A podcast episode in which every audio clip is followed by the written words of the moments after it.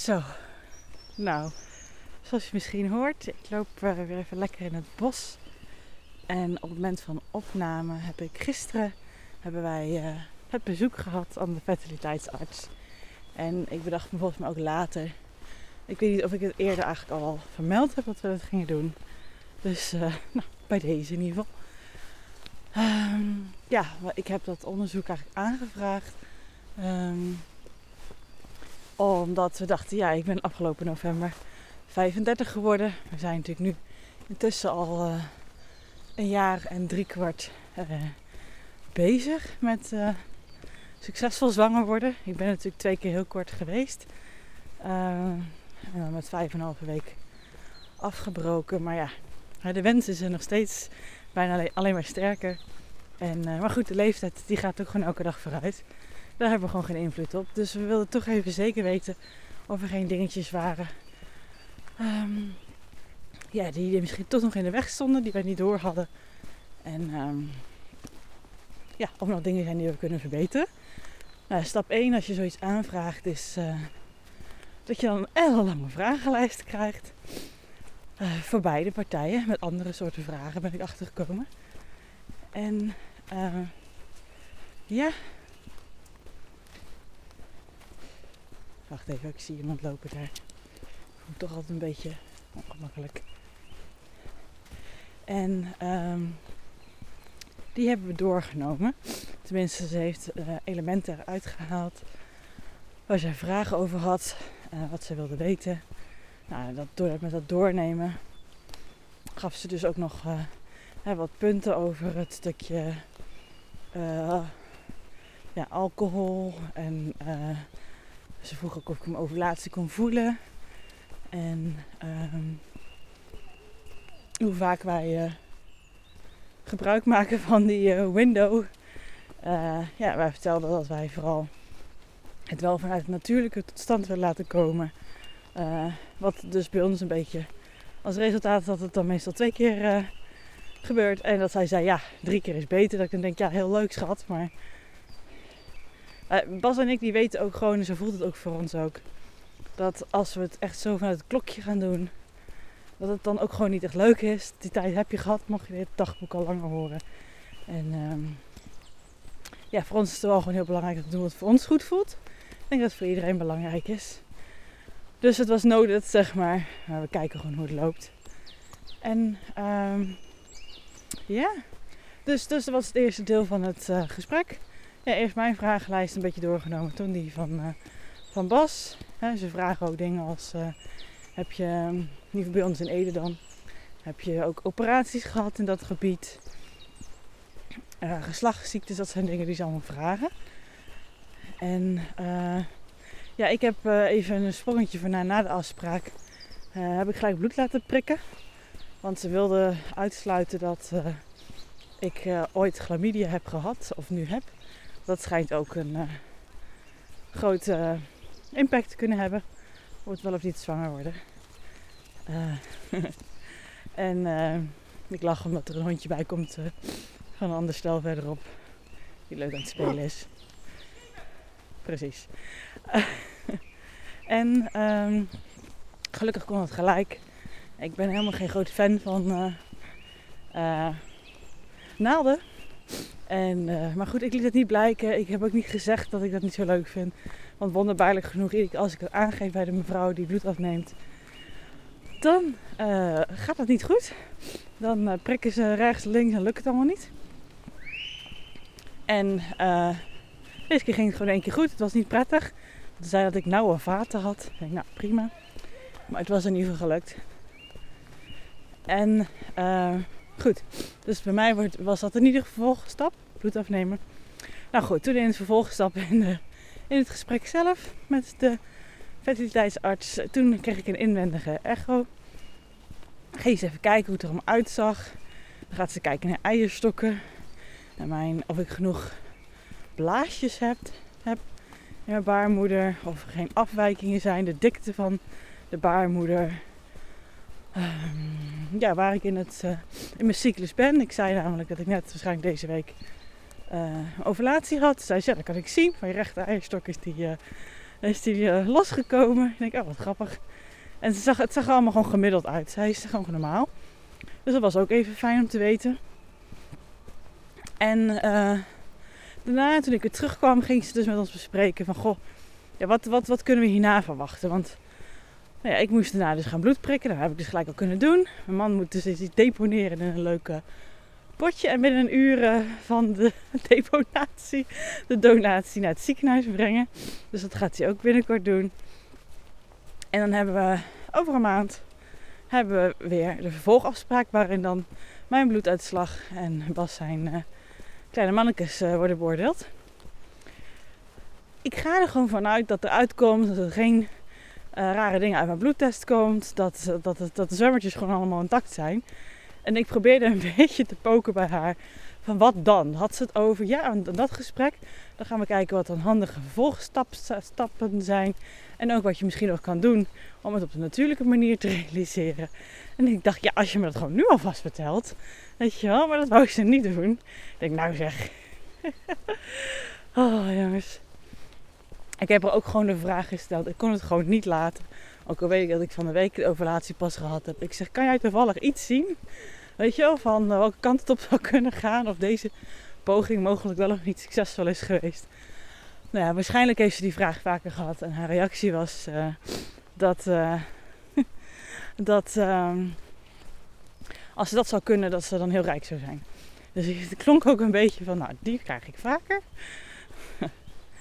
Dus nee, dat zei ze zo. En wat ze zei is wat meestal het geval is, dat als het gewoon allemaal goed uitziet, dat we dan een soort periode afspreken waarin het nog even normaal geprobeerd wordt. Uh, en dat is maximaal een jaar, zei ze. En dan als het dan nog niet uh, ja, succesvol was, er is geen zwangerschap tot stand gekomen,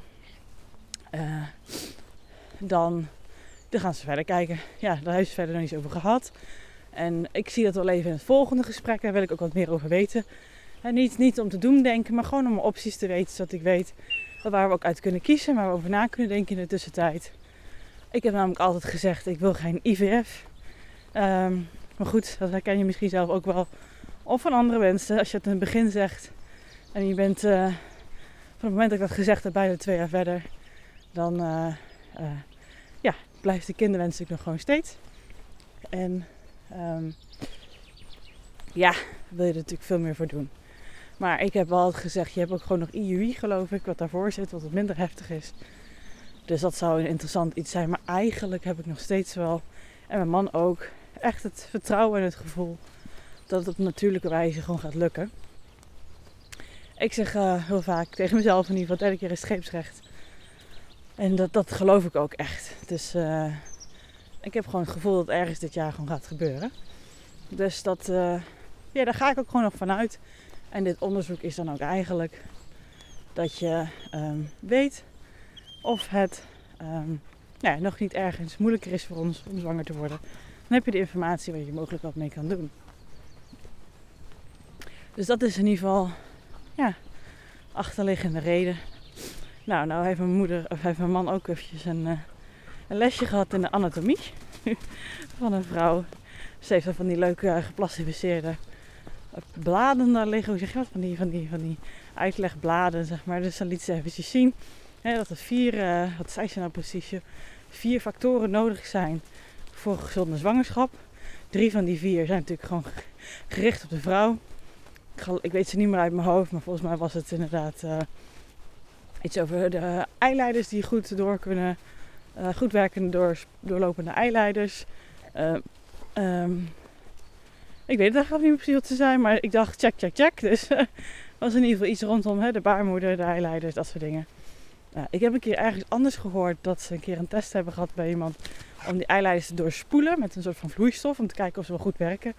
Nou, dat schijnt geen fijne uh, behandeling te zijn, maar ja, dan weet je wel of ze goed werken. Kijk, dat zijn dingen die ze bij mij natuurlijk nog allemaal lang niet gecheckt uh, hebben. Maar dat zou mogelijk, denk ik, zo in het verschiet zijn. En ik denk ook dat elk ziekenhuis, elk fertiliteitscentrum heel andere visie heeft, denk ik, en andere stappen. je hoort natuurlijk wilde verhalen over, uh, tenminste die hoor ik dan, over Duitsland en dat soort dingen, dat ze daar dingen doen die in Nederland niet gedaan worden omdat ze hier wat conservatiever zijn. Terwijl je zou toch denken dat het andersom is. Maar goed. uh, ja, dus dat was eigenlijk um, even ja, het verhaal van gisteren. Ik heb natuurlijk de aflevering, uh, ik ga proberen hem vandaag online te zetten die ik nu inspreek. Maar goed, hangt een beetje af uh, van mijn uh, schattige lieve neefje en nichtje hoe, die, zich vandaag, hoe dat vandaag gaat. En anders doe ik het zondag. Dus je, jij weet het nu in ieder geval nu je luistert. Um, wat wil ik nou zeggen? Oh ja, maar in ieder geval vrijdag, um, die aflevering. Ik zat hem gewoon heel erg in de zenuw, in de spanning. Want van niet per se voor het gesprek zelf. Um, dat is niet spannend. maar natuurlijk waar het voor staat. Het, is, het blijft natuurlijk best een, ja, een spannend onderwerp. Een spannend iets. Het, vooral als vrouw zijn. Dit gebeurt in je eigen lijf. En daar werd ik gewoon even mee geconfronteerd. Ik merkte echt toen ik dat eruit heb kunnen gooien, toen ik de ruimte heb kunnen geven, ook naar mijn vriendinnen toe, dat, dat ja, ik liet er gewoon zijn. Dat dat wel echt heel veel berusting gaf voor mij. Dat ik weer een beetje normaal kon denken en dat het niet mij overnam.